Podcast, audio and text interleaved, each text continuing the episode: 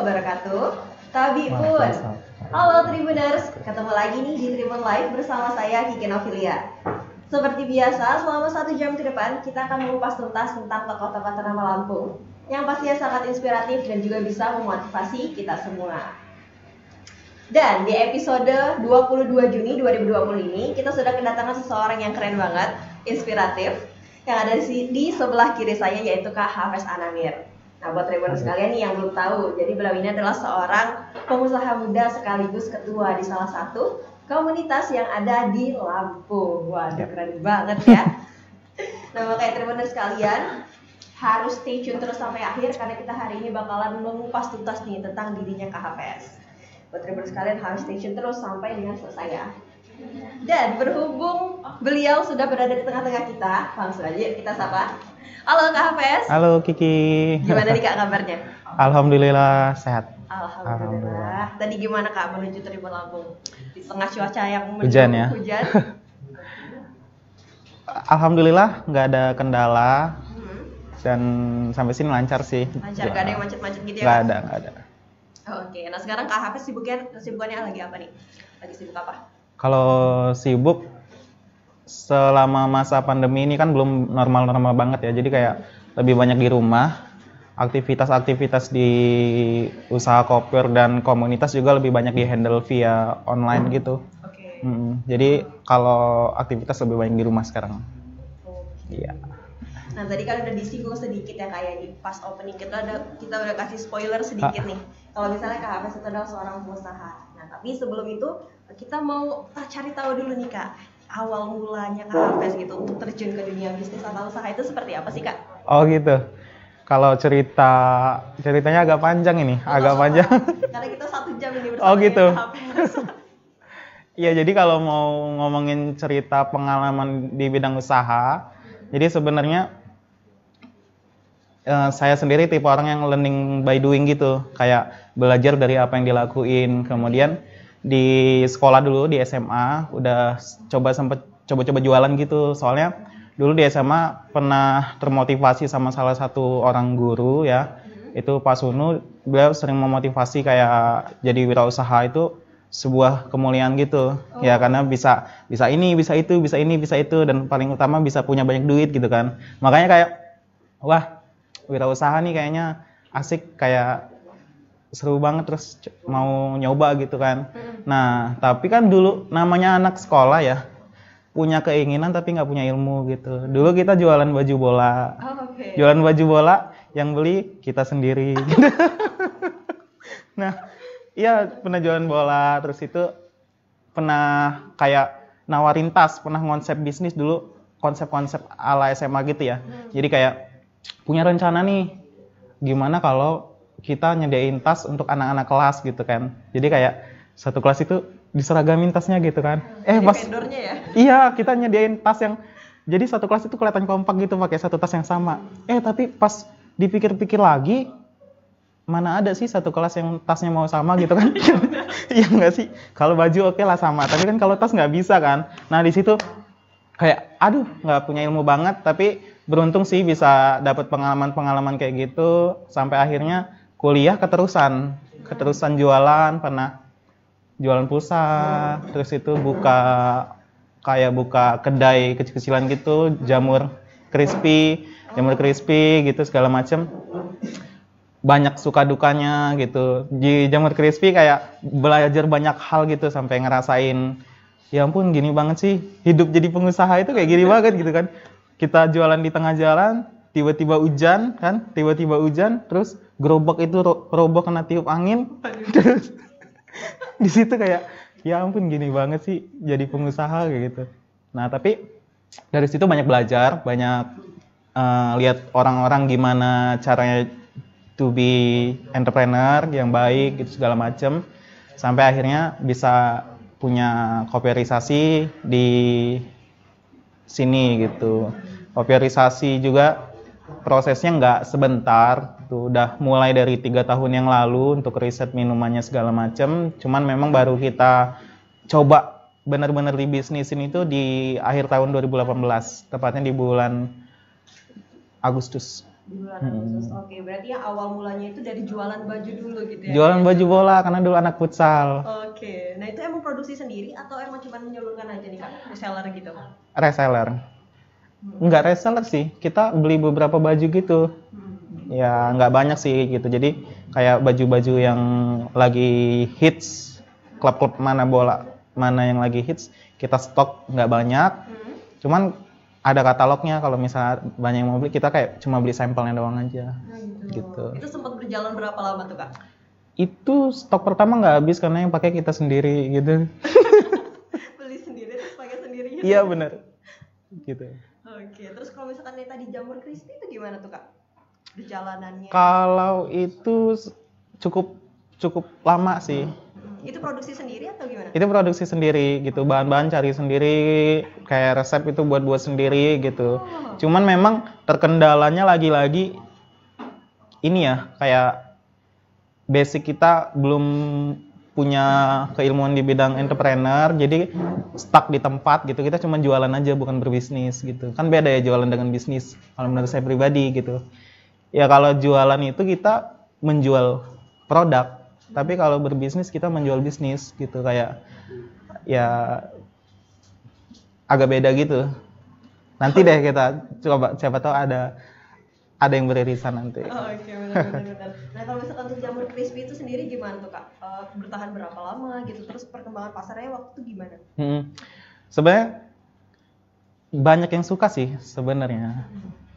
Cuma waktu itu karena masih anak muda, anak bukan anak muda ya sekarang masih muda juga ya. Masih mahasiswa baru gitu kan, mahasiswa baru kayak baru terjun di dunia usaha, pertama punya sifat ngebosi gitu. Kayak wah udah gue udah pengusaha nih gitu. Nah, yang kedua, kita tuh sering buka tutup buka tutup gitu karena alasan kita sibuk gitu. Padahal kan konsisten kan nomor satu kan. Kalau misalnya pelanggan ngelihat kedai kita tutup, Tutup gitu. macam. Hmm, terus yang ketiga eh, sibuk di kampus juga. Eh, hmm, sebenarnya bukan alasannya sibuk ya. kita aja yang nggak bisa memanajemen waktu waktu itu. Oke. Gitu. Karena sibuk tugas mungkin ya, Hmm. kegiatan juga gitu. Nah tapi menarik juga loh kak, Kalau- karena kan eh, masih menjadi mahasiswa baru gitu ya, tapi Iya. udah udah berani gitu untuk eh, membuka usaha sendiri. Nah itu kan tadi kak Hafiz juga udah cerita tuh kalau misalnya cari-cari resepnya sendiri. Nah Hmm. itu carinya di mana tuh kak? Di YouTube atau memang belajar dari orang tua mungkin? resepnya cuma gitu doang kayak buat bakwan doang gitu jadi kayak ya lihat ini apa aja bahannya kira-kira ya terus takarannya semana gitu sih cuma kayak gitu kayak gitu aja lah Oh, feeling gitu ya? Mm-mm, lebih ke feeling Itu waktu itu kakak jualannya eh, apakah cuma jamur crispy doang terus abis itu ada nasinya mungkin atau gimana? nggak ada variannya? kita kayak konsep cemilan untuk anak-anak nongkrong gitu untuk kan dulu di kampus kita melihat banyak anak-anak ngumpul sambil ngobrol gitu kan Kayaknya ada kurang nih cemilan. Iya, kurang cemilan, gorengan mulu tiap sore kayak gitu.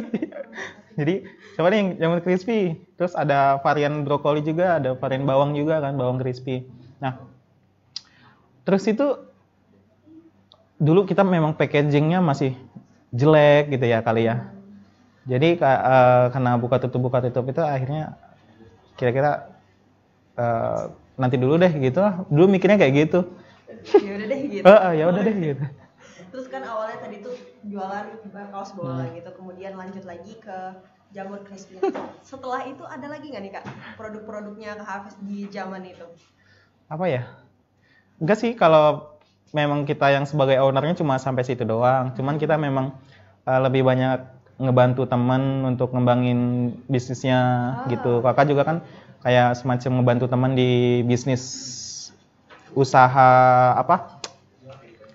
Wisata bahari gitu. Wisata bahari gitu kayak ke travel ke Pulau Pahawang segala macam, ke Pulau Pahawang, Pulau Krakatau. Nah, itu kita sebagai hmm, trainer outbound gitu. Jadi kayak belajar dari dia juga ngelola usaha gimana manajemennya gitu segala macam. Walaupun beda tapi kan namanya bisnis kan basicnya itu sama gitu. Sama. Jadi kalau setelah jualan itu lebih banyak ke trainer outbound gitu perjalanannya. Sebelum akhirnya mulai bisnis baru lagi di sini. gitu. Ada kepikiran untuk buat eh, travel sendiri mungkin? pengalaman juga karena kan emang uh, basic ilmunya udah dapet Iya. Pernah ngebangun bareng teman-teman namanya buat Lampung cuman akhirnya kita memutuskan untuk sudahan gitu karena punya prioritas masing-masing gitu. Namanya buat Lampung waktu itu. Fokus ke duit duit trainer ya kayak ngefasilitasin teman-teman employee karyawan untuk em, outing gitu segala macam ke Pulau Pahawang. Nggak cuman wisata Bari sih kayak ke order-order di luar lapangan itu juga bisa di lembah hijau segala macam. Pernah jalan? Gitu. pernah jalan? Iya tapi nggak lama. Oke, waduh keren banget emang sebelumnya Kak Hafiz juga emang udah menggeluti beberapa bisnis gitu ya Kak. Hmm. Tapi kan itu dari sekian banyak nih Kak yang udah pernah Kakak jalanin. Yang akhirnya bikin Kakak tuh, ah yaudah deh, nggak mau kapok nih soal Hmm. bisnis gitu. Bakalan lanjut terus itu apa tuh Kak? pertama sih kita kayak semacam percaya ya dengan kata-kata kalau setiap orang itu punya jatah gagalnya masing-masing gitu. Nggak mungkin orang tiba-tiba bisa sampai level itu kalau dia nggak melalui yang namanya proses gitu. Bahkan kita juga bersyukur kalau jadi orang yang ber- udah berdamai dengan diri sendiri. Kalau oh kalau saya gagal ya udah, memang saya orangnya gagal gitu dan belum berhasil. Gagal itu kan belum berhasil aja gitu. Makanya Jadi kayak iya, gitu ya. kalau misalnya ah gagal lagi, oh berarti jatah gagal saya berkurang satu gitu. Tinggal coba lagi, mulai lagi. Gimana caranya kita terus memperbaiki apa yang udah kita lakuin kemarin, kesalahan-kesalahan kita kemarin. Gitu aja sih. Sampai kalau sukses itu kan orang yang nggak sukses itu kan bukan karena dia nggak bisa ya, tapi karena dia berhenti gitu. Oke, karena eh, pemikiran itu yang akhirnya bikin Kak Hafiz tetap lanjut di dunia bisnis. Iya, sampai sekarang juga belum merasa jadi orang yang sukses gitu. Bisa jadi ini juga gagal gitu kan. Tapi kalau gagal ya nggak masalah, kita tinggal mulai lagi. Jatah gagal kita berkurang satu kayak gitu. Keren banget. Tapi emang ke depannya Kak Hafiz itu bakalan terus jadi pengusaha apa gimana nih Kak? Hmm, kalau kopiorisasi kita komitmenin untuk tetap dan mencoba untuk tumbuh terus walaupun nggak cepet tapi pelan-pelan juga nggak apa-apa. Oke. Tapi kalau misalnya kita kan orangnya dinamis ya, artinya punya growth mindset gitu. Jadi kayak open minded aja dengan hal-hal lain yang kira-kiranya itu cocok dengan kita gitu. Jadi nggak nutup kemungkinan ya bakal nanti apa bakal jadi apa, bakal jadi apa, apa bakal tetap Ekspansi jadi pengusaha gitu iya. iya. Tapi pengen banget sih tetap jadi sociopreneur yang bisa ngebantu banyak orang. Oke, mantap. Waduh, keren banget ya Tribuners. Nah, tapi Tribuners kalian jangan ke mana-mana dulu karena kita bakalan break sebentar lagi. Habis itu kita bakalan lanjut nih ngobrol sama Kak Hafiz-nya. Jangan ke mana-mana ya. Haha, udah tahu belum ada yang baru dari Tribun Lampung? Belum tahu kan? Ya, Tribun Lampung sekarang sudah ada TV-nya loh.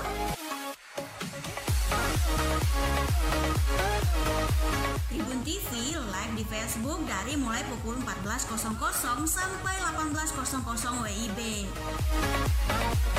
Ada banyak acara yang bisa kamu tonton di Tribun TV, mulai dari komunitas, obrolan santai, podcast, bintang tribun, dan garasi. Masih banyak acara menarik yang bisa kamu kepoin di Tribun TV. Dan bagi kamu yang kepingin tampil di acara Tribun TV atau kepingin pasang iklan buat acara kamu, buruan hubungi kontak Tribun TV di bawah ini.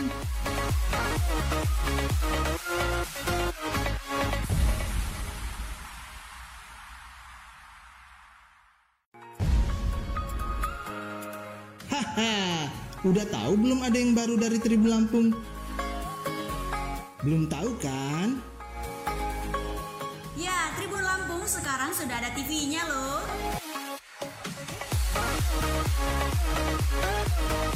Tribun TV live di Facebook dari mulai pukul 14.00 sampai 18.00 WIB. Ada banyak acara yang bisa kamu tonton di Tribun TV, mulai dari komunitas, obrolan santai, podcast, bintang tribun, dan garasi. Masih banyak acara menarik yang bisa kamu kepoin di Tribun TV. Dan bagi kamu yang kepingin tampil di acara Tribun TV atau kepingin pasang iklan buat acara kamu, buruan hubungi kontak Tribun TV di bawah ini.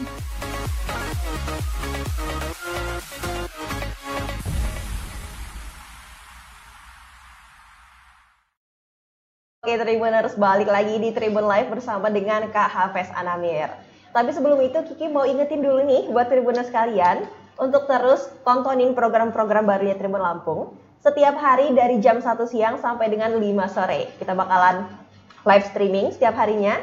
Bisa bisa Tribuners kalian akses di akun Facebook Tribun Lampung atau bisa diklik di bit.ly slash Tribun TV Lampung.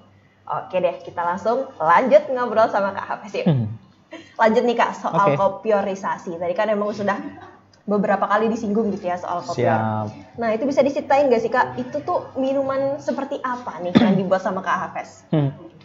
Kalau kopiorisasi nih ya, sebenarnya kopiorisasi itu kayak kalau kita ngeliat kopior ya, kopior itu kan kayak kelapa yang mengalami kelainan genetika gitu. Jadi Oke. kayak jenis kelapa yang punya kelainan, tapi karena kelainannya itu justru ngebuat rasanya lebih enak dari kelapa-kelapa biasanya gitu. Nah, tapi keberadaannya di Indonesia ini pertama dia itu sedikit Ah, Ha, sedikit dan yang kedua dia itu mahal. Karena dia sedikit, enak, mahal dong pasti ya kan. Mm-mm. Nah, di situ mungkin semua orang nggak belum pernah nih ngerasain yang namanya kopior gitu. Nah, pernah di suatu ketika lah ya di rumah itu kayak buat minum-minuman gitu. hmm. Rasanya kayak kayak kopior kok. Apa ini? Minumannya itu belum ada namanya gitu. Nah, Kok rasanya kayak kopior gitu. Akhirnya kita nyebutnya nama minuman tuh es kopior gitu. es kopior. dia bukan kopior kita pakai ekstrak tapi dia rasanya kayak kopior gitu. Karena memang bahannya itu kayak kelapa muda gitu. Bahannya rasa kelapa muda. Nah itu di tahun 2017 kegiatan ruang sosial itu kan punya kegiatan fundraising mencari dana untuk kegiatan-kegiatan sosial kita. Mm-mm. salah satunya adalah jualan takjil gitu. Oh, oke. nah takjil yang kita jual kebetulan waktu itu kakak kakak lagi. Saya usulin ini kan. Saya usulin es kopior itu. Dan ternyata teman-teman pada suka. Teman-teman pada suka dan banyak peminatnya. Sampai kita waktu itu setiap Ramadannya setiap sorenya kita buka dari jam 5 sampai buka buka puasa itu habis 100 cup 100 cup 100 cup gitu jadi risetnya selama tiga tahun di setiap bulan Ramadan sampai akhirnya di tahun kemarin setelah Ramadan mikir kayaknya ini bagus untuk di. Iya, diseriusin dan dijadiin bisnis sendiri. Jadi kayak kita punya mimpi kopiorisasi ini bisa terus tumbuh di tengah-tengah hegemoni kopi dan boba gitu, minuman-minuman kekinian. Nah, karena nama kopiorisasi sendiri itu kan filosofinya kopiorisasi, mengenalkan kopior kepada orang-orang gitu. Nah, target kita pengen semua orang itu nyoba yang namanya kopiorisasi. Karena pengalaman kita pribadi ya, ini bukan bukan kayak mana ya, bukan ngebagus-bagusin produk sendiri ya. Ini, ini emang pengalaman pribadi ya. Jadi Iya. setiap orang yang nyoba itu kayak nge kasih kesan first impression yang beda gitu. Ini apaan sih minuman apaan sih? Oh, Kok gitu? beda gitu? Ah, Kok beda kok enak gitu. Jadi Oh. kayak kita tuh kayak seneng gitu ngeliat first impression mereka ketika nyobain Pertama kali nyoba kopior gitu. iya. ah. Nah tadi kan Kak Hafiz juga cerita tuh kalau misalnya kopior ini akhirnya diekstrak gitu ya kak ya untuk dijadiin kopiorisasi. Nah itu emang Kak Hafiz sendiri emang suka mengekstrak sesuatu gitu atau memang eh, background pendidikannya bagian tata boga apa gimana? nih, Kak? Bukan, bukan. Kayak kita cuma kalau di rumah itu kita cuma pencicip makanan aja gitu. Hmm. Yang suka buat buat buat makanan itu tuh mbak-mbak di rumah gitu. Hmm. Jadi ta- tapi pas kok enak ya nyoba nanya ini buatnya kayak mana, caranya kayak mana Hmm. gitu. Sampai akhirnya ya di manage untuk dijadiin bisnis gitu. Manage terus Hmm. jadiin bisnis. Kalau misalkan sekarang nih kak variannya Hmm. udah ada apa aja sih? Ya, kalau kita cuman ngandelin kopior, kopior, kopior aja kan kayak kita bakal ketinggalan kan sama yang lain. Makanya kita di kopiorisasi itu inovasi kayak kita coba ngejer untuk yang segmentasi inovasi itu. Iya. Nah, sekarang kita sudah punya beberapa rasa, kayak contohnya green tea. Jadi kopior rasa green tea, silakan dibayangin sendiri ya. Kayak minuman es kopior tapi dicampur rasa green tea, koko pandan, taro, kemudian ada juga rasa vanilla blue, coklat, terus itu Thai tea Mm-mm. dan red velvet. Red velvet. Berarti ada delapan ya itu kak Iya, sekarang. ada sekitar 8. Nah, tadi kan kalau misalkan dengan sekian banyaknya varian yang punya yang Kak Hafes punya nih Hmm. sekarang, kira-kira masih kesusahan nggak nih Kak untuk bersaing dengan kopi dan juga boba yang sekarang emang lagi hits banget? Hmm. Kita kalau sebenarnya kalau kita pasarnya agak beda sih. Kita Oh. lebih kayak karena memang kita sadar kita ketinggalan. Jadi kita lebih jemput bola gitu. Kita ada satu produk namanya namanya kita sering nyebutnya itu kopier medium karena ada yang premium. Yang premium itu kita jual di outlet. Nah, tapi yang medium ini kita jual dengan reseller gitu. Jadi kita sediain box box box, kita pakin dengan packaging yang menarik, terus kita reseller itu tinggal ngejualin bawa ke kelas ketika mereka kuliah atau bawa ke kelas ketika mereka sekolah gitu. Jadi kita punya reseller itu anak-anak sekolah dan anak-anak SMA. Ya emang benar-benar jemput bola gitu ya. Iya, kita benar-benar jemput bola kan kadang-kadang Kiki ngerasain kan kuliah kadang-kadang mager keluar kelas atau mager jalan jauh. Nah, karena ada S itu jadi kayak teman-teman pertama teman-teman mahasiswa dan anak sekolah punya penghasilan tambahan tanpa mengeluarkan modal. Yang kedua dia bisa belajar gimana berwirausaha dari dini dan yang ketiga dia bisa dapat keuntungan dari situ. Dan nama Kopier semakin dikenal sama Iya. orang-orang. Gitu Berarti kita. fi- filosofi kopiorisasinya tercapai ya kak? ya? Iya benar. Bener. Nah tadi kan udah menyinggung juga soal reseller Hmm. gitu. Nah kalau misalkan sekarang jumlah resellernya Kak Hafes di kopiorisasi ini ada berapa nih kak? Ya, kalau kita open untuk reseller itu ada di daerah Bandar Lampung, kemudian ada di daerah Katibung, Oke. Katibung Lampung Selatan, kemudian daerah Natar dan Bandar Jaya gitu. Kalau total reseller itu kemungkinan sekitar sampai 30 sekarang. 30 orang. Iya. Kalau misalkan ini tadi outlet atau franchise itu sekarang berapa jumlahnya? Kalau outlet kita ada sekitar 7 bukan 7 ya, kayak 5 gerobak. Mm-mm. dua di Natar. Ini kayak masih kita hold ya karena kondisinya kan sekarang masih pandemi, Pandemi. gini, jadi belum pada buka semua gitu. Masih ada yang di hold. Ada di Natar dua, di Beranti dan di sekitar Muara Putih. Kemudian di Bandar Lampung ada di beberapa titik dan satu ada di Bandar Jaya. Satu ada di Bandar Jaya. Berarti itu emang ada beberapa tempat di Lampung gitu ya kak? Mhm. Iya, yang reseller juga ada di Tulang Bawang. Ah oke. Iya. Berarti oh, ya bisa dibilang udah tersebar gitu ya di seluruh provinsi Lampung ini. Nah itu kira-kira Iya. ada ada rencana nggak nih kak untuk ekspansi gitu mungkin ke luar kota? Keluar kota itu keluar provinsi Iya. gitu. Hmm, kalau kita pakai franchise banyak yang tanya dari Jawa Timur ada, dari Palembang ada, dari pulau-pulau sampai di Kalimantan juga ada Oh. gitu. Nah, tapi memang dari internal kita sendiri belum siap gitu. Kita mau mau coba bukan lokal champion ya, tapi kayak matenin manajemen kita sampai akhirnya nanti kita nggak ngecewain mitra kita. Jadi lagi proses itu sampai akhirnya kita berani untuk keluar. Kalau pertanyaannya pengen, jelas pengen. Kita pengen namanya kopierisasi ya. Kita pengen seluruh Indonesia nyobain namanya es kopier gitu. Tapi sementara ini analisis kita kita belum berani keluar. Kita mau coba di Lampung Fokus di dulu. Lampung eh, dulu gitu ya. sampai akhirnya kita nantinya dengan sistem yang kita punya kita nggak ngecewain mitra kita gitu. Hmm, waduh keren banget ya Tribuners. Terus gimana nih kak? Eh, kalau misalkan tadi kan emang udah ke seluruh provin ke seluruh daerah di provinsi Lampung. Itu untuk respon masyarakatnya sendiri atau konsumen dari Kak Hafiz ini seperti apa kak? Mm-mm. Kalau respon itu bagus. Jadi kayak kayak mereka sampai sekarang belum ada yang bilang nggak enak sih. Hmm. Yang nggak nggak enak juga mungkin nggak bilang ya kali ya. Tapi lebih banyak respon yang kita terima itu kayak oh enak banget gitu, nih, gitu. Eh, dan seger terus itu harganya murah kan kalau kopier kan biasanya satu gelas kecil itu cuma 15.000 ribu Iya, kalau banget asli iya. emang mahal banget karena memang itu juga minuman yang langka kan. Nah, dengan ekstraksi ini kita bisa tekan di angka 5000 di per cupnya gitu. Per cupnya 5000 jadi teman-teman sekolah dan kuliah juga cocok dengan kantongnya. Gak Dan- ya untuk ka- kantong mahasiswa Iya. pelajar nih. Karena ada ekstrak kelapa mudanya gitu jadi kayak punya ngenyangin juga dikit-dikit. Kenyangin juga dikit-dikit. iya, benar-benar. Tapi kalau misalkan situasinya kan sekarang pandemi nih kak, Ah. itu penjualannya kopiorisasi seperti apa kak? Kalau penjualan ya kita ngomongin pandemi ini kan semuanya berdampak ke semua usaha ya. Mm-mm. di bidang apa pun. Mungkin ada beberapa usaha yang ini karena pasarnya sekarang lagi bergeser, termasuk pasar dari kopierisasi yang tadinya market kita adalah kampus, sekolah dan aktivitas perkantoran yang lainnya, sekarang pada walaupun baru new normal kan belum balik ke semula normal, ya. iya. Jadi kita sekarang lagi ngehold paling kemarin kita mulai berjualan itu di bulan puasa. Bulan puasa itu karena memang permintaan teman-teman kan banyak yang cari takjil gitu. Nah kita coba buka, tapi nggak semuanya buka. Nah, setelah bu- bulan puasa ini kita belum open lagi Hmm. gitu. Masih masih nyusun-nyusun rencana sampai akhirnya kita open lagi. Tap, kalau omset jelas menurun di tengah-tengah pandemi ini. Cuman tetap bersyukur karena nggak cuma kita, kita berharap pandemi ini semu- segera berakhir sehingga kita bisa memulai lagi. Sampai bisa mulai lagi. Nah, Iya. kira-kira rencana di hold-nya nih sampai kapan nih, Kak?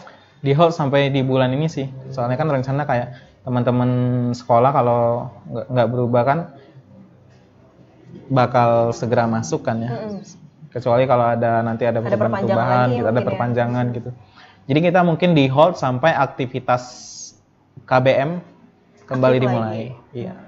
Nah, kalau misalkan sekarang nih, Kak, kalau misalkan di pandemi ini kan banyak banget nih usaha-usaha yang akhirnya Hmm. ke online gitu ya. Iya benar. Ada beberapa uh, platform online gitu. Kalau misalkan Kak Hafiz sendiri, apakah emang sudah masuk ke dunia itu atau belum? Hmm, kalau untuk koper sih belum, karena memang produk kita itu yang nggak tahan lama ya. Mm-mm. Kayak ada jangka waktunya. Selama minuman itu fresh itu ada jangka waktunya. Oh gitu. Itu berapa lama kira-kira? Itu sampai lima hari di suhu yang suhu tertentu dia tahan lima hari gitu. Mm-mm. Nah, kal- jadi kalau untuk online kita belum belum nyediain karena kita juga stoknya itu by order sekarang gitu. Ah. Paling kalau ada yang pesen gitu. Kita nerima banyak orderan untuk paket wedding juga.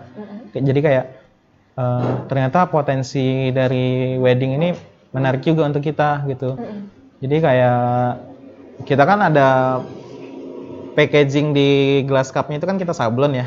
Nah, yang wedding itu bisa Bisa request, request. nama gitu Oh. kayak si Kiki dengan siapa gitu. Jadi kayak teman-teman apa eh, pengunjung resepsi itu juga Hmm. kayak oh ini nih kan ini gitu segala macam. Kayak kan souvenir lah, souvenir iya. dalam bentuk makanan gitu bisa. Iya. Berarti nanti kalau misalkan minumannya udah habis bisa tuh ya dicuci terus jadi souvenir. Mungkin bisa jadi kayak gitu Kak Hafes nantinya. Nah tapi ya Kak Hafes nih, kan Iya. tadi itu emang semuanya dimulai dari nol gitu ya, Hmm. semuanya dimulai dari bawah dan sekarang udah bertumbuh luar biasa keren gitu. Nah itu eh, gimana perasaannya Kak Hafes gitu melihat bisnisnya yang dari dulu dirintis kecil gitu sampai sekarang akhirnya keren banget luar biasa besar ini Kak. Hmm.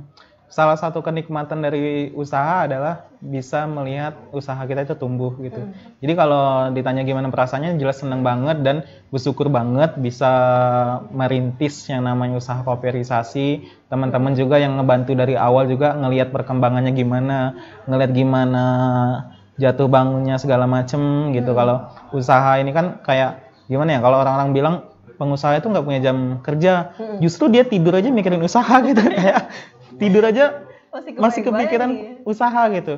Jadi sampai sekarang masih kadang nggak nyangka sih kayak oh ternyata bisa sampai sini ya seorang gua doang gitu ternyata bisa ngebawa koper sampai sini gitu.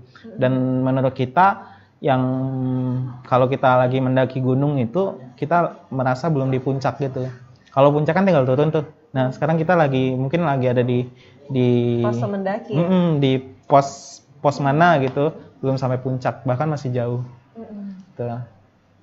Kan target kita kan se-Indonesia. Oke, nah itu Oke, buat Tribuners sekalian, keren banget ceritanya dari Kak Hafes. Tapi kita bakalan break dulu sebentar, habis itu kita lanjut lagi ngobrol sama Kak Hafesnya. Jadi ke mana-mana ya. Haha, udah tahu belum ada yang baru dari Tribun Lampung? Belum tahu kan? Ya, Tribun Lampung sekarang sudah ada TV-nya loh. Tribun TV live di Facebook dari mulai pukul 14.00 sampai 18.00 WIB. Ada banyak acara yang bisa kamu tonton di Tribun TV, mulai dari komunitas, obrolan santai, podcast, bintang tribun, dan garasi. Masih banyak acara menarik yang bisa kamu kepoin di Tribun TV. Dan bagi kamu yang kepingin tampil di acara Tribun TV atau kepingin pasang iklan buat acara kamu, buruan hubungi kontak Tribun TV di bawah ini.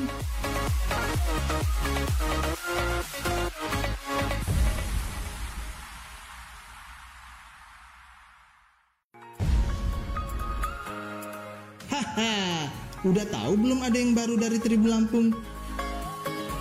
Belum tahu kan? Ya, Tribun Lampung sekarang sudah ada TV-nya loh.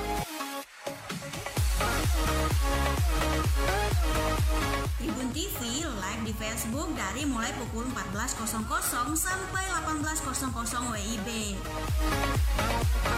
Ada banyak acara yang bisa kamu tonton di Tribun TV, mulai dari komunitas, obrolan santai, podcast, bintang tribun, dan garasi. Masih banyak acara menarik yang bisa kamu kepoin di Tribun TV.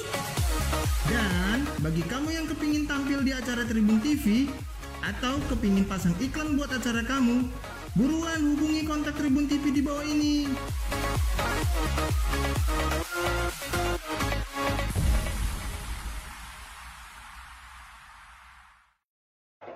Oke, balik lagi ya Tribuners di Tribun Live bersama dengan Kak Hafes Anamir.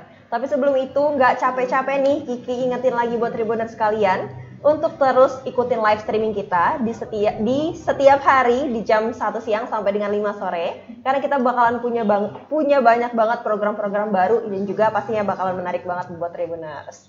Lanjut kita ngobrol sama Kak Hafes ya. Lanjut. Oke. Nah, Kak Hafes, selain jadi pengusaha muda nih, Kak Hafes juga kan katanya jadi ketua di salah satu komunitas sosial yang ada di Lampung. Nah, itu komunitas apa sih, Kak? Komunitas namanya komunitas ruang sosial. Mm-mm. Itu kita berdiri di tahun 2017 di tanggal 3 di bulan Juni. Oke, itu komunitas seperti apa, Kak?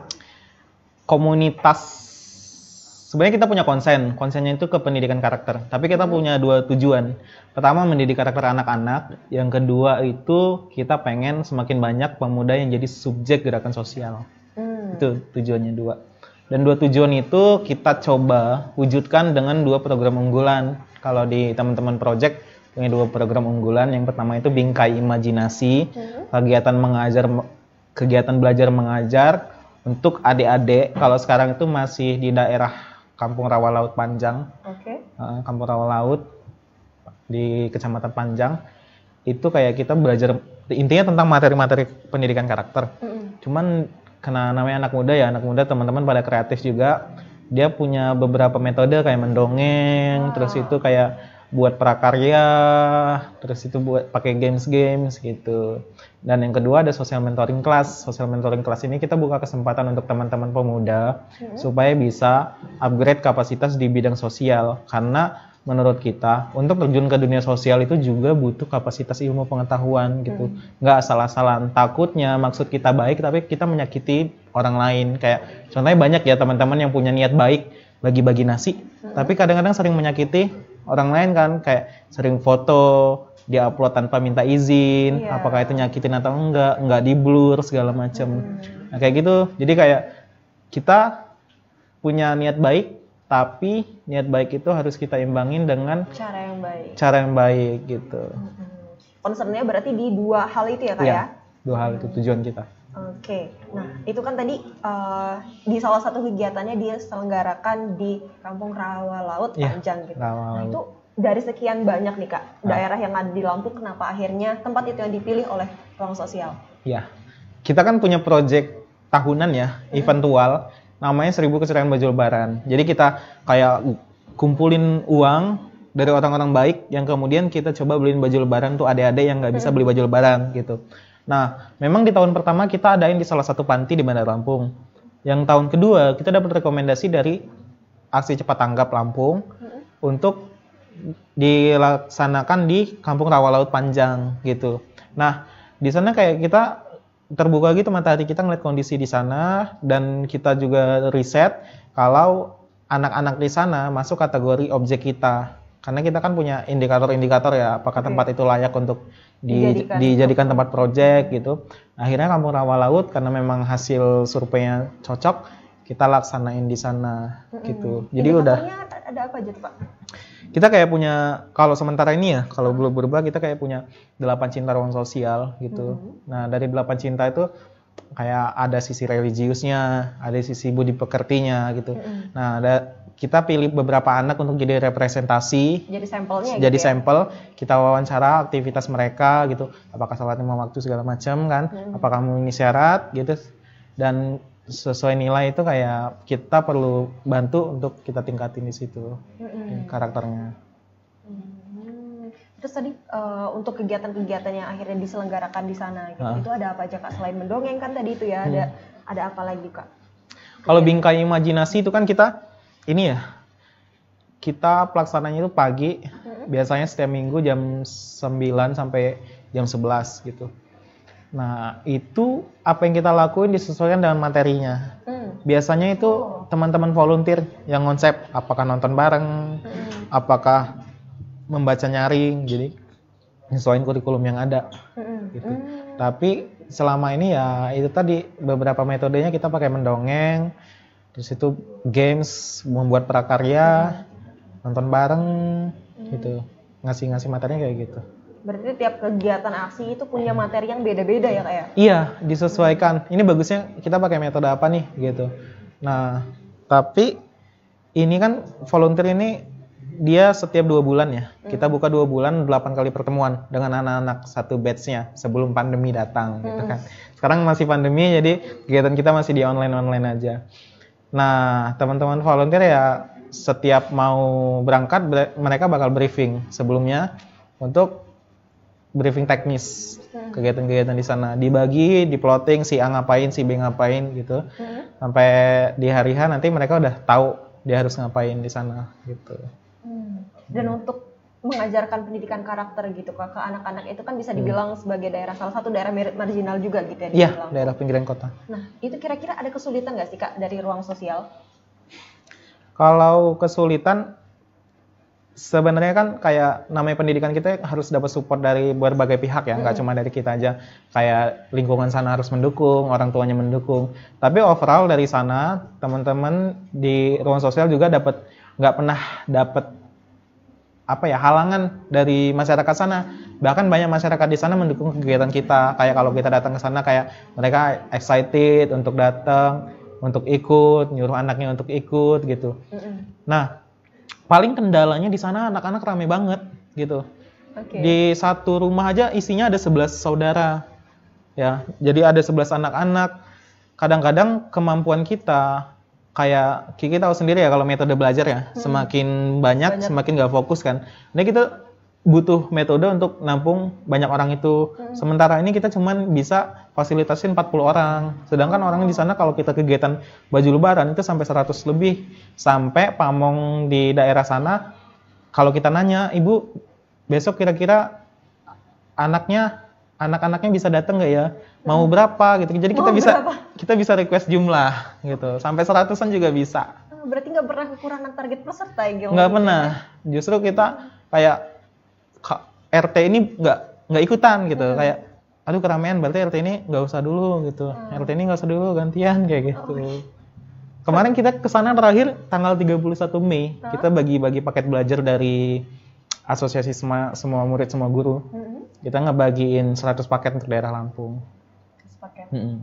Oke, berarti kalau misalkan untuk kegiatan bingkai imajinasi itu sendiri itu nggak hit and run gitu ya kak ya? Berarti bakalan selalu dilakukan eh, setiap apa? Iya. Kegiatannya? karena sustainable itu salah satu lima salah satu pilar kita di ruang sosial gitu. Jadi kita nggak mau kegiatan kita hit and run. Kita gebuk terus itu kita pergi. Kayak ngerasa kita punya tanggung jawab. Jangan sampai kita ngasih harapan ke anak-anak kemudian kita pergi dan anak-anak itu akhirnya depresi ya kan? Nah di salah satu lima pilar khusus itu ada yang namanya sustainable. Kita harap project-project kita itu bisa sustain dan punya impact ke objek dari komunitas kita gitu Iya. Terus kalau misalkan untuk respon anak-anaknya sendiri nih, kan itu udah diajari nih dari kakak-kakak rusosnya. Hmm. Itu respon mereka atau tanggapan dari mereka itu seperti apa kak? Kalau respon namanya anak-anak ya, Kak. Kita belum nemuin anak-anak yang nggak excited untuk belajar sebenarnya. Apalagi hal baru menurut mereka yang ada kakak-kakak datang ke sana gitu, belajar bareng itu mereka excited. Tapi mungkin kayak semacam kita harus gimana caranya pembelajaran kita itu menarik sampai dia itu bisa datang terus gitu. Bisa datang terus setiap minggunya. Tapi selama ini kayaknya mereka punya fit yang baik ke kita. Soalnya kalau kita misalnya kayak pandemi gini, pamong sana nanyain kira-kira kapan ke sana lagi, lagi, gitu. ya. Jadi kayak mereka udah tahu kita dan mereka menantikan kedatangan kita selanjutnya gitu. Hmm. Terus kan itu dalam satu kegiatan itu kan Hmm. cuma bisa menampung kuotanya 40 orang. Iya. Itu kira-kira ada nggak sih ke adik-adik yang ngerasa, waduh nggak bisa datang nih gitu Hmm. atau nggak kebagian nih slotnya terus mereka sedih atau gimana mungkin? Kita belum pernah lihat secara langsung sih. Hmm. Soalnya kita cuman pesan ke Ibu Siti yang bantuin kita di sana kayak Bu besok 40 orang kira-kira gitu. Jadi ibu itu yang ngasih tahu mungkin Bu Siti udah paham lah caranya gimana biar nggak ada kecemburuan ya. sosial ya kan. Siapa-siapa aja yang datang, kenapa nggak boleh datang. Tapi kalau kita ngelihat secara langsung sih belum pernah gitu. nah, bingkai imajinasi ini di tahun 2018 konsep gagasan ini pernah saya bawa untuk ikut kegiatan namanya Pemuda Pelopor Oh. gitu. Pemuda Pelopor dari Kemenpora dan alhamdulillah bing- eh, kita dinobatkan sebagai Pemuda Pelopor Pendidikan ketiga se-Indonesia gitu. Satu-satunya dari Lampung di tahun 2018. 2018 itu berarti eventnya skalanya nasional ya kak ya? Nasional. Hmm, Oke, nah terus kalau misalkan menarik juga nih kak soal bingkai imajinasi tadi Hmm. itu kan uh, pendidikan karakter gitu ya. Nah itu Hmm. untuk indikator keberhasilan programnya itu seperti apa kak? Kalau indikator kita masih dalam proses kita belum benar-benar dapat loh. Hmm. Bahkan pernah kemarin kita cerita pendidikan di Jakarta sama banyak komunitas pendidikan itu masalah yang memang belum selesai sampai sekarang itu kayak kurikulum dan indikator-indikator gitu. Kita susah ngelihat kita itu impact kita itu sejauh mana gitu. Nah, sejauh ini sih cuman kita secara kasat mata aja atau evaluasi. Kita kan dari 8 cinta itu ketemulah sekitar satu bab itu empat pertemuan. Mm-mm. Berarti ada 32 ini kan, ada 32 pertemuan. Nah, setiap 8 pertemuan itu kita evaluasi. Paling dari situ kita ngeliat. Mm-mm. Kita wawancara lagi adik-adiknya, kita lihat ada perkembangan atau Ada enggak. perkembangan Begitu apa sih. enggak? Nah. Waduh keren banget ya Tribuners. Tapi sebentar lagi kita bakalan break nih untuk menuju ke segmen 4. Tribuners kalian jangan ke mana-mana dulu. Tapi sebelum itu Kiki mau ingetin lagi buat Tribuners kalian untuk terus pantengin live streaming kita setiap hari dari jam 1 siang sampai dengan 5 sore. Jangan ke mana-mana ya. Haha, udah tahu belum ada yang baru dari Tribun Lampung? Belum tahu kan? Ya, Tribun Lampung sekarang sudah ada TV-nya loh. Tribun TV live di Facebook dari mulai pukul 14.00 sampai 18.00 WIB.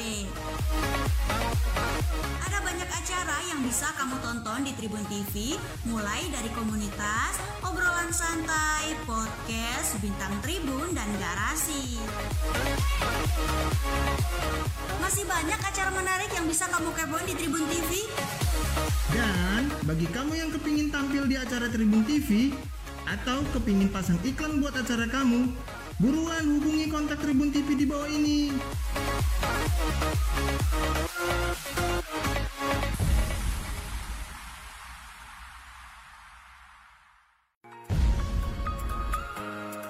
Haha, udah tahu belum ada yang baru dari Tribun Lampung? Belum tahu kan? Ya, Tribun Lampung sekarang sudah ada TV-nya loh.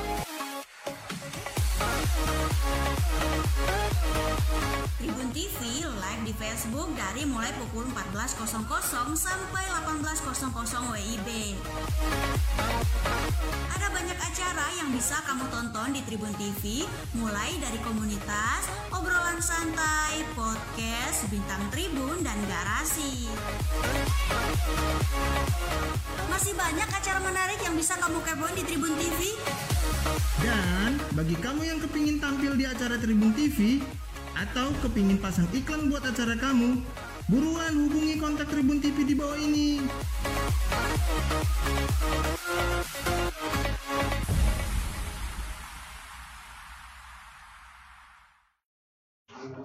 Oke, Tribuners balik lagi di Tribun Live. Nah, sebelum kita lanjut nih di segmen terakhir sama Kak Hafes, Kiki mau ingetin lagi nih buat Tribuners kalian. Jangan lupa untuk saksikan live streaming kita setiap hari dari jam 1 siang sampai dengan 5 sore.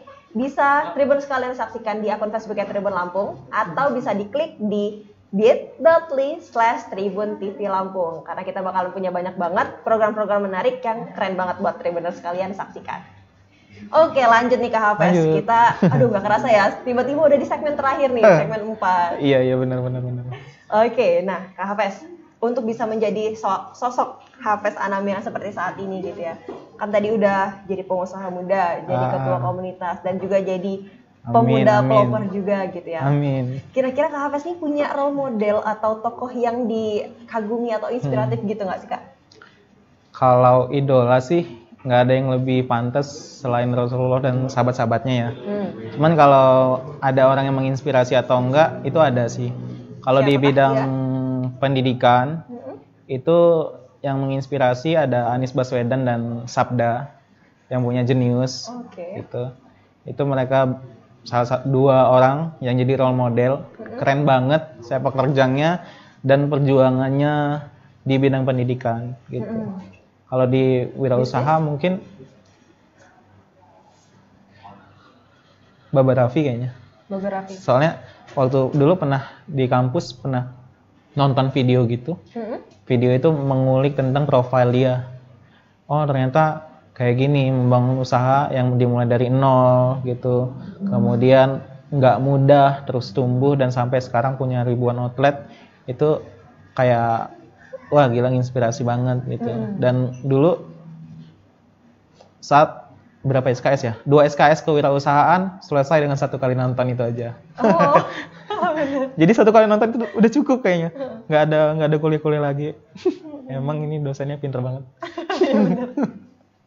Oke, terus dari dari mereka-mereka itulah yang Iya. akhirnya memberikan uh, berbagai inspirasi gitu buat Kak Hafes. Nah, tapi ya kayak dengan sekian banyaknya aktivitas gitu yang Kakak lakukan, Iya. itu keluarga respon mereka itu seperti apa Kak? Apakah mendukung nih Hmm. atau sempat terjadi gesekan-gesekan kehidupan? Kalau orang rumah pasti pengen yang terbaik untuk kita gitu. Tapi di beberapa ini mungkin orang rumah karena sa- saya anak bungsu jadi kayak belum percaya kalau anaknya udah dewasa aja sih gitu. Kayak di rumah kan memang memang menjalankan peran sebagai anak bungsu gitu kan. Jadi kayak mereka belum percaya sepenuhnya kalau saya udah kayak bisa loh ngelola usaha gitu.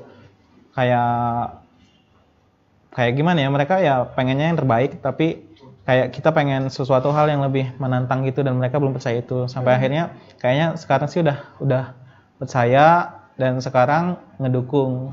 Tapi dari dulu nggak pernah dilarang. Untuk ini itu nggak pernah dilarang gitu. Hmm. gitu sih kalau keluarga. Support banget. Kalau sekarang support banget. Dan orang tua di rumah pasti selalu ngedoain Yang di setiap terbaik. iya sholatnya. Mm-mm.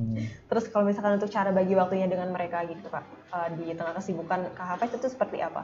Hmm. bagi waktu dengan Keluarga, Oh, dengan keluarga. dan juga yang lainnya. kalau saya pribadi sih nggak pernah punya masalah ya dengan waktu untuk keluarga karena memang dari dulu rumah kan di Natar Mm-mm. terus itu juga punya tempat belajar nggak jauh-jauh dari rumah jadi nggak pernah kos dan nggak pernah jauh dari orang rumah gitu ya kalau malam pasti di rumah segala macam jadi kalau untuk masalah bagi waktu dengan keluarga itu nggak pernah ada masalah Mm-mm. Cuman kalau dulu kita punya banyak kesibukan tapi kesibukannya itu nggak nggak prioritas gitu. Mm-mm. Kayak kita belum bisa nyusun prioritas kita ke mana ke mana ke mana. Semuanya kita hajar aja kalau dulu sih kayak gitu. Tapi kalau sekarang udah udah, punya lumayan tertata prioritas, ya. udah udah mulai udah lumayan tertata gitu. Hmm. Terus kalau misalkan untuk cara uh, Hmm. family time-nya Kak Hafes itu seperti apa Kak? Apakah makan bareng di restoran gitu atau mungkin main ke mall atau gimana nih? Di rumah aja sih, di rumah paling kalau misalnya habis habis habis maghrib atau sore-sore ya paling ngobrol-ngobrol depan rumah gitu-gitu aja. Oh. family time-nya gitu-gitu aja. Karena orang rumah juga bukan tipe keluarga yang suka rekreasi gitu. Di rumah adalah liburan. Dan e- emang enak banget sih di rumah kan, di- nggak keluar kamar aja bisa sebenarnya gitu. Oke, nah terus kak, berarti kan ke depannya ini Kak Hafes bakalan jadi seorang pengusaha terus gitu ya kak? ya? Amin. Dan juga Ya. nggak menutup kemungkinan kan tadi kalau misalkan untuk terjun juga di, di, di bidang yang lain gitu. Iya. Nah kalau misalkan Kak Hafes sendiri tuh ada nggak sih kak rencana untuk melanjutkan pendidikan gitu, seperti S2 mungkin misalnya? Kalau S2 punya, pasti punya, Hmm. punya rencana, tapi kapannya itu mungkin belum di tahun ini gitu. Karena menurut kita kita orang yang growth mindset artinya pendidikan itu terus ya kita belajar sampai sampai ke liang lahat ya gitu. Jadi pasti punya target untuk S2. Sebenarnya tahun ini, pengen tahun ini. Cuman karena kemarin lulus SKD, CPNS, Mm-mm. jadi kayak masih mau nyoba untuk terus berjuang sampai SK gitu. Sampai SKB ya? Mm-mm. Jadi nunggu SKB. Selesai baru tahu kita kapan bisa lanjut S2. Mm-mm. Begitu kalau untuk pendidikan. pendidikannya berarti ke depannya bakalan ada rencana untuk S2. Iya. Nah itu untuk jurusannya sendiri nih kak, apakah bakalan tetap melanjutkan hukum tata negara seperti yang S1-nya atau sekarang bakalan ke wirausaha mungkin? Kita tetap mau ambil manajemen hukum, mane manajemen di apa? bagian hukum ya, jelas. Karena dari kuliah dulu emang excited banget dengan Di dunia hukum. ya di, di dunia hukum seru banget belajar di fakultas hukum dan bersyukur benar bersyukur banget bisa jadi bagian dari fakultas hukum Unila waktu itu Tapi untuk uh, sekarang terjun di bidang bisnis gitu kak, uh, background pendidikan hukum itu Hmm. itu kontribusinya ada nggak menurut kak Hafes? kalau sebenarnya kayak nggak tahu ya ini inline atau enggak beririsan atau enggak cuman kalau saya pribadi sih ngerasa ada pengaruhnya gitu. Pertama metode sarjana hukum itu kan lebih banyak eksplorasi diri. Bukan berharap dengan yang namanya dosen yang ada di kampus gitu. Kita harus banyak baca kita harus banyak mengeksplor. Nah waktu yang diberikan oleh fakultas untuk kita mengeksplor diri itu akhirnya kita bisa manfaatkan dengan baik bisa dengan jualan sampai akhirnya kuliah kita nggak nggak terganggu ya kan? Kita kan beda ya. Kalau fakultas hukum kan nggak ada praktek nggak ada responsi segala macam. Jadi la- punya banyak waktu untuk mengeksplor di luar gitu. Nah yang kedua karena kita adalah orang hukum sarjana hukum dan bisa dibilang sedikit tahu tentang hukum akhirnya ketika kita berorganisasi atau ketika kita punya pengabdian di masyarakat punya wirausaha kita nggak mau nabrak norma-norma yang sudah dibangun oleh pendahulu-pendahulu kita norma hukum yang sudah dibangun oleh pendahulu-pendahulu kita gitu sih kalau untuk ilmunya secara akademis Mm-mm.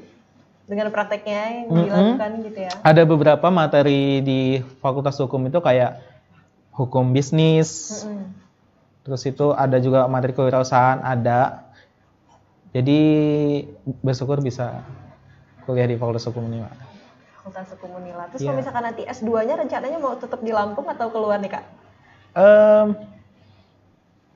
di Lampung nggak masalah sih di Lampung juga bagus tapi di luar juga nggak masalah gitu jadi kayak kayak di mana pun nanti kita bakal give give best aja Heeh. kasih yang terbaik aja dah di mana pun karena tadi kan metode belajar dari fakultas hukum kan Lebih banyak eksplor diri gitu ya? iya Oke, nah tadi kan kalau misalkan kita udah cerita-cerita banyak banget nih kak, kita Ya. udah sharing-sharing juga kepada Tribuners sekalian. Nah sekarang seperti biasanya nih kak, kalau di Tribun Live itu kita punya tantangan gitu di akhir segmen. apa itu kok nggak ngomong Biar surprise. oh gitu Ya, jadi biar surprise nih, kita punya tantangan nih buat Kak Hafes, itu namanya pertanyaan cepat. Jadi Kak Hafes nanti bisa langsung milih nih pertanyaan eh, jawabannya itu apa tanpa harus dijelas. oh gitu Siap ya? siap siap siap siap siap Siap. Oke. Tarik napas dulu kak. Biar semakin relax gitu ya. oke Oke. Pertanyaannya, pertanyaannya harus dijawab dengan cepat nih kak. yep Satu, bisnis atau pendidikan? pendidikan Jadi orang kaya raya atau jadi orang yang bermanfaat buat orang lain? orang kaya raya yang bermanfaat ke orang lain Jawabannya cerdas banget. Iya orang kaya kan punya banyak kesempatan untuk bermanfaat. Oke. Iya. Terus belajar secara otodidak atau punya mentor? Otodidak. Ah ya selama ini otodidak. Otodidak. Kayaknya otodidak. Berat banget. Oke, otodidak. Terus selanjutnya, jadi bos yang tegas atau bos yang ramah? Terus yang ramah. Lanjut S2 atau nikah muda? Nikah muda. Oke. Bisa dua-duanya sih sebenarnya. Oke. Ah, ya. Tapi tetap ya jawaban pertama itu adalah menikah muda. Berarti itu yang harus kita percaya ya Tribuners. Oke, terima kasih banyak nih Kak Hafiz sudah main Ya, ke Tribun. Lampung dan juga udah sharing-sharing kepada Tribuners sekalian. Semoga semakin sukses lagi ke depannya dan Amin, juga amin, jalannya amin. juga semakin terang nih. Sukses juga untuk Kiki. Oke, nah itu tadi Tribuners bincang-bincang santai kita nih sama Kak Hafes seru banget kan. Makanya Tribuners kalian harus terus tonton Tribun Live dari hari Senin sampai dengan Selasa jam 2 siang hanya di akun Facebook Tribun Lampung atau bisa diklik di bit.ly slash Tribun TV Lampung. Tapi nggak cuma itu aja, karena kita bakalan terus live streaming setiap hari dari jam 1 siang sampai dengan 5 sore. Dan kita punya banyak banget program-program menarik buat Tribuners sekalian. Saya Kiki Novilia undur diri. Sampai ketemu lagi di episode selanjutnya ya. Bye-bye.